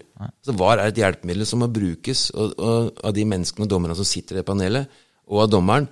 Og at de da gjør feil, ja vel, det, det er vel ikke VAR sin skyld. Det, det er dommeren som blir bedre i den fasen. da. Og så er VAR nå i en innkjøringsfase. Jeg tror det blir eh, at det blir bedre og bedre. Jeg tror det blir flinkere og flinkere. Eh, men det er ett problem, og det er at når du først har teknologien, så er du nødt når du først, Og da må du få et, et riktig resultat eller et utfall av den situasjonen, og da kan det være millimeter. Eh, og er, altså Enten så er du offside, eller så er du ikke offside. Og Det er det som gjør det litt vanskelig, for det, er, det blir så marginalt. Er det, er det hånd innafor? Hvor skal grensa gå? Så skjønner jeg det, men allikevel. Eh, hadde vi hatt VAR i, i 19 og 20 for oss, så hadde vi sluppet det der eh, greiene på slutten av sesongen. Altså, vi, for de små klubbene enda viktigere, tror jeg, for det jeg føler at det er lettere å bli bortdømt som liten enn som stor. Kan, kan vi ta en liten sving om Én ting er VAR, og så er det andre ting at vi, vi har jo også opplevd nylig at uh, i løpet av en sesong så har noen lag opplevd en feil dommeravgjørelse, hvor man etter kampen går inn og justerer på en måte karantene, eller røde kort, gule kort etc. Og andre lag, type oss, leverte inn anke, ikke opplevde at nei, dette får stå selv uansett hvor gærent det er, for vi kan ikke begynne å rette opp i alt mulig i etterkant. Eh, Hva tenker vi om at det er så inkonsekvent i, i saksgangene eh, på hva som skal ryddes opp i etterkant av en kamp, og hva som får bare stå? Eh, det- er vel en sjeldenhet at de faktisk justerer på det, da. Nå husker jeg ikke akkurat det, jeg husker eh, saken, Kristoffer, men jeg husker ikke akkurat hvorfor det ble sånn. Men vi fikk en forklaring som vi aksepterte. Vi visste da vi leverte Det var regelboka da. Vi, vi visste at eh, det ikke kom til å bli eh, gå gjennom. Eh, Og vi visste hvorfor òg. Så, så det var egentlig eh, vi, vi gjorde det fordi vi ville markere at vi syntes det var urettferdig. Og vi hadde lite håp, men eh, vi visste at det ikke kom til å gå gjennom. Så eh, ja. Det, det var, det var Apropos annen sak. rettferdighet, for det, det blir jo en sånn eh, Det vil aldri bli helt rettferdig, tror jeg, da. Eh, Til og med med all verdens hjelpemidler så vil det være den millimeteren til slutt, innafor, utafor. Jo, jo, men hvis du er en millimeter offside, da er du offside. Absolutt. Altså, sånn må det bli med VAR, og det syns jeg er helt topp. Eh, I 90% av tilfellene VAR eh, kommer inn i bildet, så retter man opp noe som eh, ellers ville vært feil. De ti siste er noen i gråsone, og så er det noen som blir veldig veldig rart. Men heller det for meg også. Men tror du at den dommerstanden som er såpass varierende, da, er i stand til å bruke VAR på en riktig måte? Jeg er skeptisk når jeg ser alt det rare som, har skjedd. Men man, det er i hvert fall hjelpemiddel som man kan bruke, og da er det flere som kan ta den beslutningen. Eh, og du har kanskje eh, noen kompetent som sitter i en VAR-kontoret, som, som kikker på dette her, og som kan hjelpe dommeren. Det, for meg så tenker jeg at det, kan, det må da bli bedre. Jeg kan ikke, det kan ikke bli ikke Jeg holdt på å si det. Stemmert, liksom. Du sa det ikke. Nei. Nei, jeg sa det. Men du er ikke redd for dette uttalelsen din nå? Jeg tror dommerne hører dette her, og nok en gang så blir du han derre stygge ulven som du skal slå ned på igjen? Nei, jeg, eh, vi, vi, altså, vi hadde flaks på slutten i fjor. Eh, hadde dommeren fått med seg offside til Sveen, så hadde vi vært i Obos nå. Så det, men eh, og, og sånn er det menneskelig. Så lenge det ikke er var, så er det menneskelig feil. Men jeg syns at noen av de situasjonene Jeg syns at systemet er feil, da, som jeg sa Ja, innledende ja, med. Jeg syns at, at de blir satt i situasjoner som de vanskelig kan håndtere. For det er vanskelig å dømme en fotballkamp. eh, og det er i hvert fall vanskelig hvis du ikke har erfaring som toppstiller. Eh, og jeg syns den får lite hjelp av både eh, assistentdommer og fjerdedommer. Og noen ganger så kan du oppleve at det er helt klink situasjoner som det er fire stykker på salen som ikke ser, og det er de fire. Så jeg syns de er feige, dem òg. De er unge, dem også. Så det er noe med systemet her som jeg mener er, eh, er gærent. eh, Og jeg syns at så lenge du dømmer godt, så skal du til en viss grad få lov til å holde på lenger enn i begynnelsen av 40-åra, som vel nå er grensa, uten at jeg er sikker på alt, akkurat den, den grensa. Men de rolige, erfarne, fornuftige dommerne som kanskje har utvikla seg da over 20 år, de må få lov til å holde på litt til. Det skal jeg ønske. Og at de begynte litt seinere, for det er veldig vanskelig for en i begynnelsen av 20-åra til å, til å ta, takle det presset. Det, det, det skjønner jeg er vanskelig. Og de håndterer det dårlig innimellom. Det er Veldig mange som reagerer med, med aggresjon, sinne f.eks., og, og gule kort. Og menneskelig. Vanskelig for dem, men allikevel så er det ekstremt provoserende da, eh, blir bortdømt. eh, Og særlig i ettertid, hvis man eh, Men, men arroganse. nå vet jeg ikke om vi svarte helt på spørsmålet, for det, gikk jo på at VAR-systemet jo koster utrolig mye penger å innføre. Og da, det er jo penger du potensielt kunne brukt da, på å utvikle gode dommere. Du, du, du ser ikke noe poeng i det. Nei, utvikle det. De gjør så godt de kan nå også. Men, Men de har vel ikke utømmelige midler til å Nei, men jeg, jeg mener at er, for å ta et ordentlig eh, steg, et langt steg inn mot rettferdighet og god dømming, så mener jeg VAR er eh, det klart beste virkemidlet. Ellers så baserer du deg på, på menneskelige vurderinger og subjektive vurderinger, og det er nødt til å bli feil. Eh, helst ikke så mange feil som det har vært de siste åra, for det har vært altfor alt for mange. Men det er nødt til å bli feil. Eh, ja, nei, jeg er en ekstrem forkjemper for VAR. Jeg syns det er et fantastisk hjelpemiddel som uh, dommerne må kunne bruke så bedre enn det de gjør enkelte ganger nå. Da. Men det er en innkjøringsfase. Det kommer til å bli bra. Mm. Hva, hva sier du til fansen, da? Som, eh, det vet jo mange fans der ute som ikke er så glad i VAR, fordi det dreper litt av den impulsiviteten og gleden og jublinga og alt det der. Folk må stående og vente litt. og... Ja, jeg syns det er spennende å vente litt. Når jeg ser Premier League-kamper og det er VAR-situasjon, så syns jeg det er spennende. Det ødelegger ikke noe av opplevelsen for min del. Eh, Men noe av impulsiteten, og man jubler for en scoring, også blir eh, eh, bortdømt. Eller så blir det annullert, kanskje, eller et eller annet sånt allikevel. Men og og akkurat det jeg, jeg skjønner det, og jeg har respekt for de som mener det, men jeg mener da noe annet. Ja, Det er forskjellige ja. meninger her. Det som En annen ting er at du, du mister jo Du slipper jo de veldige protestene. For når VAR har tatt en beslutning, så er det ikke noe vits å protestere noe lenger. Nei. Eh, For da er det noen som har sett noe som ikke du så som spiller. Og jeg håper også at f.eks. den idiotien som eh, eh, Paris eh, PSG viser på slutten der, at, at det må de slutte med. For hvis du ikke dommeren ser det, så, er, så ser VAR det. Så det, det, jeg tror du blir kvitt litt av det der òg. Tror du blir kvitt filming etter hvert? Jeg håper det. Filming er en, en forferdelig uting. Og når du ser da f.eks. spiller som Du får en liten klaps i ansiktet og legger seg ned, og han stakkars spilleren får, for kort. Det mener jeg var så god. Jeg mener var så gå inn på enda mer og sånne ting. Ja. Filming. Gå inn og si til han og filme han, gi en gul kart. Nå var det overspilling. Eh, hvis du får en liten klaps i ansiktet, gi han gult kort. Ikke han som kommer bort i ansiktet, han som legger seg ned. Men du skulle ta alt sånt nå. Få vekk de puslingene, de sutrekoppene, som hele tida legger seg ned, kaster seg ned, vrir seg i smerte, og så er det ingenting. Det, er situasjonen der syns jeg var skulle tatt. Men eh, slår, ville du slått ned på det som trener, hvis du ser spilleren din slenge seg ned og være overdramatisk? Ja, fy faen. Ja. ja det Jeg snakka med Gause om den der krampegreiene hans. ja. Og om det Krampegreiene hans på slutten i slutten 84, ja. Ja, det det er ikke nødvendig å holde på sånn. Vi skal, vi skal være fair og ordentlig og, og følge fair play. Vi skal vinne fotballkamper, for all del. Eh, og det kan hende at det lønner seg å bruke litt tid en gang eh, innimellom, men eh, jeg syns ikke han skal gjøre det der for ofte, for det, folk blir irritert på det. Ikke bare folk som ser på motstandere, men dommerne òg. Jeg tror de kommer til å ta han etter hvert. ja, så du får, ja. Du havner på minussida. Men jeg, bare for jeg har sagt det, jeg tror VAR er, er akkurat det du sier, Kristoffer. Det viktigste med VAR, på sikt, tror jeg, det er at du oppdrar spillere eh, til å forstå at det, det, det, er, det er ikke noe vits i lenger. Fordi blir det bråk nå VAR kommer, så er Så jeg, jeg tror kanskje det hjelper veldig på spillernes holdning, da. Jeg skulle gjerne ha spilt den der kampen mot Vålerenga i fjor, hjemmekampen mot Vålerenga, om igjen med VAR. Det, det, kunne jeg godt tenke meg. Det er den absolutt verste kampen. Altså, at, det- altså det bare tenke på det.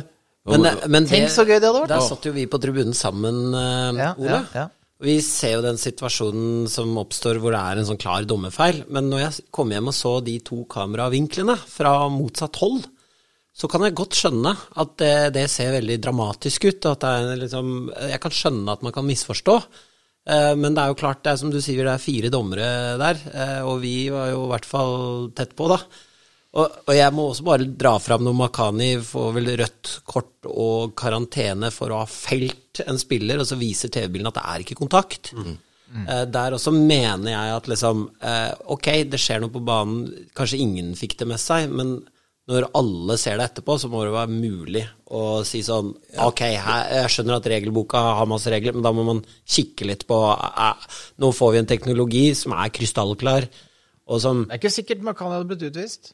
Nei. Nei, men det verste for meg eh, Altså de uerfarne, litt, eh, for, litt unge dommerne som er litt engstelige, de har en veldig tendens til å blåse eh, litt for ofte eh, på corner, f.eks.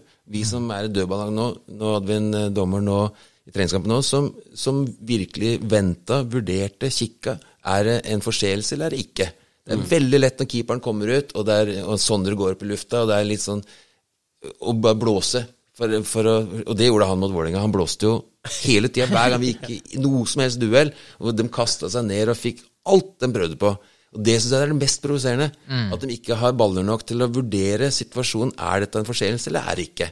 Og det gjelder om det er mann mot mann, eller om det er eh, ti mot ti inni i boksen. Så må du se er det noe som skjer. Og ser du det ikke, så kan du ikke blåse på mistanke. Men det gjør de unge, feige dommerne. Men er du enig med meg at det gjelder særlig røde kort òg? Altså et rødt kort har mye å si i en kamp, særlig hvis det kommer tidlig.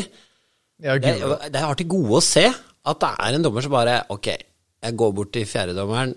Du, jeg kommer til å gi rødt kort nå. Er du enig, liksom? Uh, altså, bare, det kan de gjøre. Ja, ja. Det er derfor de er fire. Eller bruker linjedommeren. Eller altså Fordi dette her veit jeg at når jeg gir det her nå, no way back. Eh, og de 30 sekundene har vi hvis det hadde vært VAR. Men vi har det også hvis de bare snakker sammen. Ja, det går an, det. Det går an, men har du, er du enig med meg i det? At Jeg er enig i liksom- det. jeg, jeg, se oppfordrer, det? jeg oppfordrer hele tida både linjemann, men særlig fjerdedommeren, som jeg har tid til å prate med. Det, -hmm. nå, nå er det en situasjon her som hele stadion ser. Du er nødt til å se det, jeg ser det. Hvorfor går du ikke inn? Hvorfor sier du ikke fra dommeren at dette er en forseelse? Og da bare, bare rart som ikke hører meg. Så det, det er gjerne, det er gjerne, Det du skal jo sies da, Vegard, du har jo vært heldig og stå, stå ganske nærme deg noen ganger.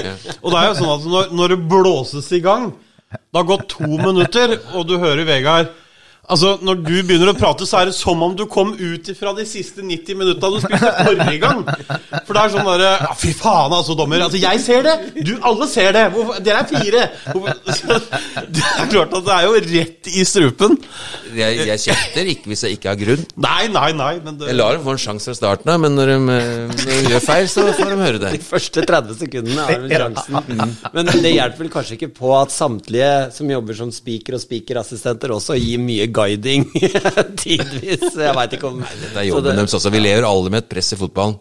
Eh, gjør, feil, eh, gjør jeg feil, så får jeg høre det. Gjør spillerne feil, for å høre det. Dommerne må også tåle det også. Men jeg, jeg mister, mistenker ingen i, i dommerstand til å ikke gjøre så godt de kan. Jeg er 100% sikker på at de ikke er korrupte. Men jeg syns ikke, ikke de eh, er gode nok, sånn, noen av dem.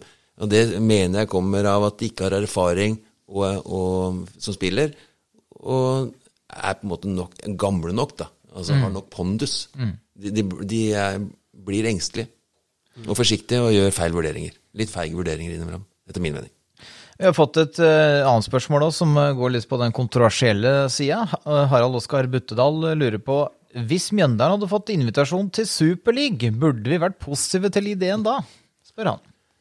Nei, altså, der, der, der, der ser man eh, eh, hva slags eh, mismatch det er mellom rike klubbeiere og grasrota og supportere. Jeg syns den prosessen i ettertid var helt fantastisk. Eh, den egoismen som de klubbeierne, får jeg si, da, klubbene, uh, viste der Da jeg hørte, så tenkte jeg fy faen, hva, hva skjer nå? Altså Det virka som det var beslutta. Og det at det gikk an da for et, en fotballverden å reversere det der, det eh, gir meg litt sånn håp for framtida. Man, man kan ikke ha det sånn at de rikeste skal, skal hele tida ha mer og gi faen i resten. Ødelegge hele ligaen på et vis. Og, og, nei, det der var, jeg er så glad for at det ikke blei noe av. Vi ville selvfølgelig aldri vært med eh, på noe sånt. Nå, tror jeg, jeg er ikke så sikker på om vi ble spurt det første året heller. Men, men jeg er glad at det gikk som det gikk. Og, og der, eh, den makta supporterne viste at de hadde der, det var deilig å se. Men er du bekymra på vegne av norsk fotball for å få litt sånn, om ikke Superliga, i hvert fall litt tendenser den veien? At det er eh, rike eiere som på en måte får mer makt over fotballproduktet? Nei, det er jeg ikke bekymra for i Norge. Nei. Ikke nå i overskuelig framtid, i hvert fall.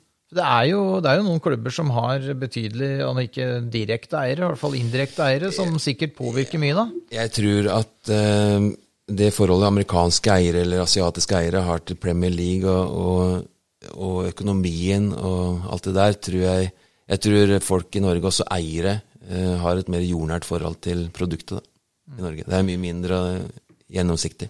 Men kan det være bra for norsk fotball at det, disse storklubbene i Europa lefler med litt sånne her usmakelige ideer eh, som gjør at uh, gras, altså den der sånn trauste norske fotballen plutselig får en litt høyere standing? Er ikke så sikker på om det har noen påvirkning. Jeg. Eh, Dette hadde vært krise for Premier League særlig, eller, og de andre ligaene for så vidt også. Jeg, jeg tror ikke dette uansett hadde hatt noe særlig innflytelse på oss. Nei, nei. Man så et eksempel i Sør-Amerika, hvor de for mange år siden hadde en sånn regel på at de største klubbene kan ikke rykke ned.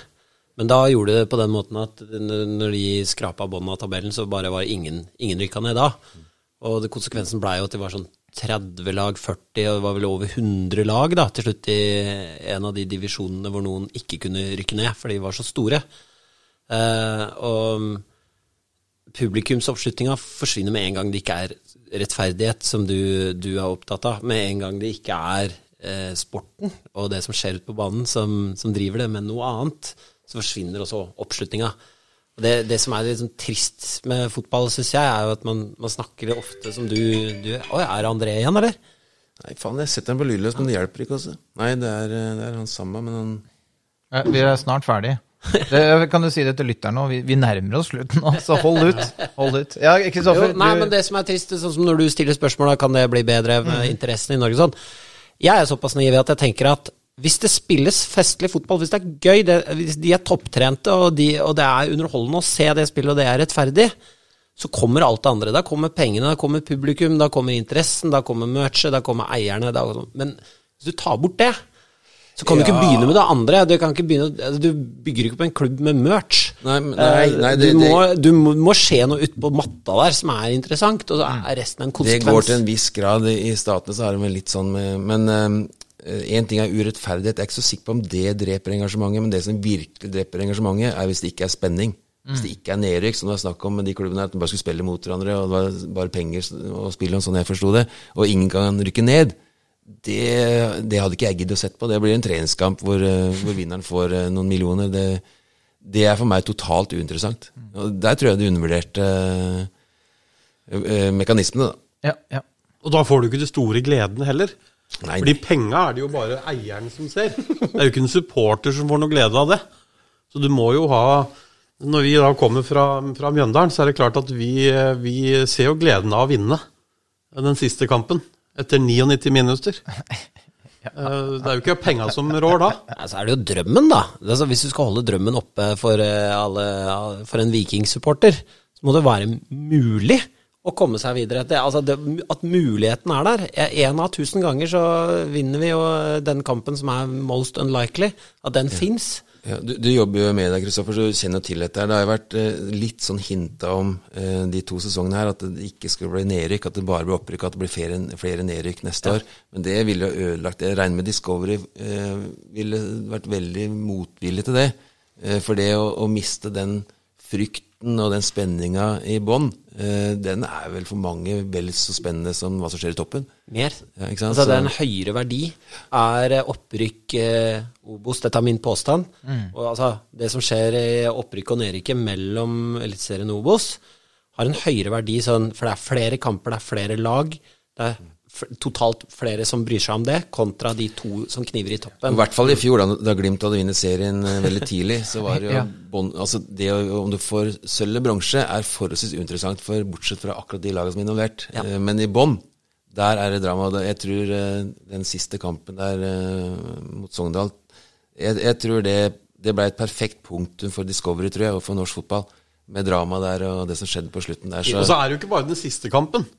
Det er jo ganske mange ja, serierunder ja, ja, bakover hvor det starter.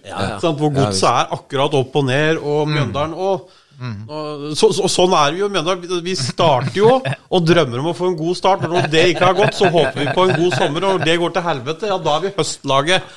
Og når det heller ikke går, så må vi vente til eh, godt ut i romjula. Altså helt tett oppunder nyttårsaften.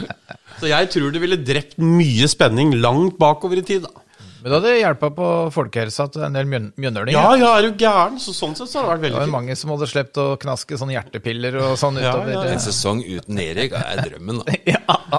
Men uh, nå kommer jo fotballen hjem til TV 2. Uh, eh, det blir vel neste år, da. Uh, hvor TV 2 skal sende Eliteserien. Så mm, jeg håper jo veldig på at at Fotball-Norge, som har de som forvalter rettighetene til Eliteserien og de andre divisjonene, de har jo annenhver gang bygd opp rettighetene ved å gi liksom gratiskamper til NRK, TV 2, dekker veldig bredt. Og så har de casha ut ved å gi det til Seymour i en runde, hvor alle mm. måtte betale på en eller annen plattform som ingen fant. Og så nå Discovery, som også er et, et uh, De har dekka det veldig bra, syns mm. jeg. Mm. Men du må være interessert for å finne det. Og nå igjen tilbake og bygge det opp i å bruke nyhetene, aktualitet, sport. Altså inn i et større univers. Så det er veldig jeg, jeg, Det eneste som jeg er liksom skeptisk til til norsk fotball, er den derre at hver gang man endelig begynner å rekruttere 15-åringer til å se fotball igjen, så kommer det en periode hvor de legger det bak en betalingsmur for spesielt interesserte. Og det som er farlig med det, er at de 15-åringene de sitter ikke og venter på i fire år på at det skal være mer tilgjengelig igjen. De forsvinner til jeg, jeg tracker dem jo. Jeg ser hvor de forsvinner hen. Til alt mulig annet. Til gaming og ditt og datt og ditt og datt. Så at eh, jeg blir bekymra for rekrutteringa. Er det bare for dem som har 5000 kroner i måneden å se Premier League-kamper? Når jeg var liten, så var jo den lørdagskampen på NRK som rekrutterte meg inn. Tippekampen? Ja. Og, og, noe må være gratis. Eh, og noe må være Og der syns jeg de ikke har vært kyniske nok over tid til å tenke at ja, men ok, dette er en gullkanta avtale i fire år, men hei, hva med de fire neste, da? Vi skal vel ha fotball da òg, eller? Og fire neste og Ha 20-årsperspektiv på det de holder på med. Det, hadde, det etterlyser jeg. Vi, vi lar det være siste ord fra spørsmålsrunden, og takker så mye til alle som har sendt inn spørsmål. Jeg veit at vi ikke har fått med alle, men eh, tida strekker dessverre ikke til. Slagsida mi. Slagsida di? Skulle ikke du ta opp noe med oss? Ja, ja, ja. ja. Vi, skal vi ta det nå? Vi kan godt ta det nå, Vegard. Skal vi ikke det? Ja, jo, jo. Nei, det passer egentlig fint. Men eh, nå, vi nå, nå fikk vi plutselig veldig dårlig tid, Vegard. Så da er vi ferdig. Takk for at du kom. Ja, ja, Det var hyggelig, Vegard. Nei, jeg har hørt på disse taktiske vurderingene Ja, deres og, og synsinga deres. Ja, for du hører på, ja? ja, ja, ja, jeg hører på alle episodene. Ja, ja. Det, det, er jo, det er jo innimellom det er ting som får meg til å ta opp telefonen og slå nummer og tenke nei, og så legger jeg tilbake igjen. Men du veit det ikke går live, ikke sant? At du, Ja, jeg vet du kommer ikke inn på sendinga. Men det jeg kan si, som jeg hadde lyst til å si, Ja. eh, er at eh, Ronny tror jeg la det fram sånn at, at endelig så var det sånn at, eh, at jeg ikke bestemte alt i Mjøndalen. Oh, ja. Rundt dette med Gauseth. For det første, for det første så tok du feil der hvem som ønska hva. Det er en annen sak. Men jeg kan forsikre meg at jeg har aldri bestemt alt. Men jeg har vært med og bestemt på mye. Ja. Eh, og Kenneth og jeg tok alle beslutninger egentlig i samråd, og sånn har det vært nå òg. Så det er aldri sånn at jeg går og sier at det, det skal vi gjøre. Det er et eh, veldig flat struktur, mye flatere struktur i Mjøndalen enn det folk kanskje tror. Vi diskuterer veldig eh, både sportslige ting i trenerteamet, all kompetanse der, og hvordan klubben skal drives, både med Berenike som har kommet inn, som er eh, veldig, veldig flink for øvrig, og André som har vært eh, fantastisk for oss eh, i klubben. Så vi har hatt et kjempegodt eh, samarbeid og forhold. og Hvis noen tror at, at det er jeg som har bestemt uh, alt i Mjøndalen, så er det ikke det. Uh, vært Altså, dette er jeg helt uenig i. Er det ikke folk som Men, sier nettopp men var, det, det, er sånn- var det det mest kritiske du hadde? Nei, alt det taktiske gidder jeg ikke å komme inn på, for det var så mye vås. Jeg Jeg husker ikke heller, da, men det var mye rart der, altså. Du får ringe, ringe neste gang, Vegard. Nei da, vet du det var ikke så mye rart. Men akkurat det der med at eh, jeg har bestemt alt, det hadde jeg lyst til å si, for det har jeg ikke gjort. Nei, Nei. Men vi, eh, vi er nødt til å få Vi skal jo ha episodens eh, pressmiddel, så jeg har foreslått at vi bare kaster oss ut i det som siste del av podden. Og det er Stian Tolpenrud som har sendt inn eh, nok en gang. eh, Og det går som følger. Spiss ørene. Alltid sunget med innlevelse 'If you're happy and you know it' etter hvert tap i intusonen. Eller nektet intervju ved å svare surt og cocky 'prater ikke med norsk presse' etter hver seier. Det er eh, dilemmaet, eller pressmiddelet fra, fra Stian i dag. Nei, jeg, jeg, altså sure folk kommer ingen vei. Nei. Eh, Så jeg, selv om jeg ikke kan synge, så ville jeg heller gjort det også. Eh, Så, Men hadde du klart det etter et tap? eh, ja, vet du, du ville blitt overraska hva jeg presser meg til å gjøre etter tap. Bare det å snakke med folk noen ganger er eh, Det jeg venter meg til det. Før så, så husker jeg kunne, kunne gi intervjuer i fullt sinne. Nå gjør jeg aldri det lenger. Eh, Men vi er ærlige hvis vi er skuffa. Eh, Vi prøver aldri å klage på noe eksternt, eh, bortsett fra noen ganger når det er helt åpenbar dommerfeil, så kommenterer vi det. Men jeg, jeg klarer å Faen. altså. Jeg klarer å Fortsatt ikke noe ny bekk? Nei, jeg klarer å, å beherske meg, og jeg skulle klart å, å synge selv, selv om jeg hadde tapt. Jeg, som sagt, jeg, jeg tror at det å være sur, Ja. det eh, er det, det siste Skuffa, og sint kanskje også. Sure folk eh, kommer ingen vei. Men, men, men det er vel det letteste, er det ikke det, gutter? Altså lettere å framstå sur når du har vunnet, for det er liksom lettere å ta på seg en sånn maske og gjøre det, enn å liksom framstå liksom munter og glad når du har gått på et tap. Så du har egentlig valgt det vanskeligste løsninga. Vi gjør ofte det, mener han. Men jeg lurer på, du har jo forandra deg litt som trener eh, opp gjennom åra. Du var mye mer sånn, som du sier, emosjonell eh, tidligere i tre trenerkarrieren, og sågar liksom nevnt det sjøl i intervjuer at det, du har lagt deg på en annen stil. Har du gått på noe sinnemestringskurs, eller har du, hva slags teknikker er det du har lært deg for å ikke vise den type skuffe eller sinne, eller altså når du, når du står der med alle TV-kameraene på deg, lurer jeg på, har, har du lest noe, eller har du Ja, gått til deg sjæl, veldig mye av det går på rein og skjær viljestyrke. Ja. Jeg har en enorm viljestyrke. Jeg kan presse meg til nesten hva som helst hvis det er fysisk mulig. Ja. Og alt mentale eh, ting, det klarer jeg veldig fint. Jeg er blitt ganske hardhuda. Så, så det går på viljestyrke, men også kompetanse. Så jeg begynte for mange, mange år siden eh, i den prosessen der. og og var søken på um, Jeg har ingen pedagogisk utdanning, dessverre. Eh, Så det, det, det å søke eh, hvordan man kan få læring i en gruppe, også individuelt, eh, det har jeg brukt mange forskjellige kanaler. Både eh, mennesker som jeg har eh, besøkt og, og hatt runder med over lang tid, men, og også lest meg opp på veldig mye av det. Så det driver jeg med fortsatt, i ganske stor grad faktisk, og prøver å utvikle det. Så um, det har vært nyttig. Og spleise på sangpedagog, vi, da. Så Ja, vi kan ja. få uh, rap i Ja, og, så virker det som nesten du har bygd deg som en sånn verktøykasse nå med en del teknikker som du kan lære bort òg. For det er jo sikkert noen som sliter med sinnemestring. eh. Ingen av, ingen av fotballsparkerne våre som er det. eh, Kristoffer, du som er i TV 2, du kunne jo tatt, han- sendt han lotepus på en sånn sinnemestringstur til Vegard, kanskje? Du, det kan jeg by på. Uh, det tror jeg dere hadde hatt stort pris, stor pris på. Så, men, Fenriken? Ja, Fenriken, Ja, ja, ja. Ja, ja, ja. En liten tur med Fenriken fra Kompani Lauritzen inn i garderoben her. Men uh, vi skal eh, vi når, uh, Ja, nå har det gått lang tid, og Vegard kikker på telefonen. Uh, Men det er fordi jeg ikke Når jeg tar den på lydløs, så virker det ikke. Er det noen som har erfaring for det? med da tror jeg du trenger en service på telefonen din. Plagsomt av nettet nå, vet du. Ja. Det er ikke bare her det er plagsomt. Nei, Det var ikke jeg- meninga. Altså, jeg, jeg prøvde ikke når jeg får tre telefoner under en podkast. Jeg prøvde å unngå det, men jeg har ikke klart det. Det ser ut som den er fra tidlig 2000, den telefonen Det er den ikke. Den er noen måneder gammel. Å ja, da er det det som Ja er trøbbelet ditt. Oppgrader den etterpå, vi. Ja. Ja, kan vi det? Ja. Ja. Da skal vi hjelpe deg. Eh, tusen takk eh, til Kristoffer, eh, til Ronny og ikke minst Vegard for at dere stilte opp i denne poden. Og så ikke minst, da, avslutningsvis, lykke til nå på søndag, Vegard. Ja, det var hyggelig, veldig hyggelig å møte dere alle sammen. Og så var det veldig fint å få noe faglig kompetanse inn, da. ja, ja, jeg skal ha den, ja. Det var deilig å gi det òg. Ok, da er det bare å glede seg til seriestart søndag. Dere om det. Release, release Arena. Eh, Vi får dessverre ikke reist dit, men vi skal alle klistre oss foran TV-skjermen og håpe at Mjøndalen får en flying start. Tusen takk igjen, og vi høres plutselig igjen. Det er ikke så viktig hvor mange mål vi skårer, gutter. Gjør ikke noe om vi slipper inn. Det er kun én ting som betyr noe. Høyt press.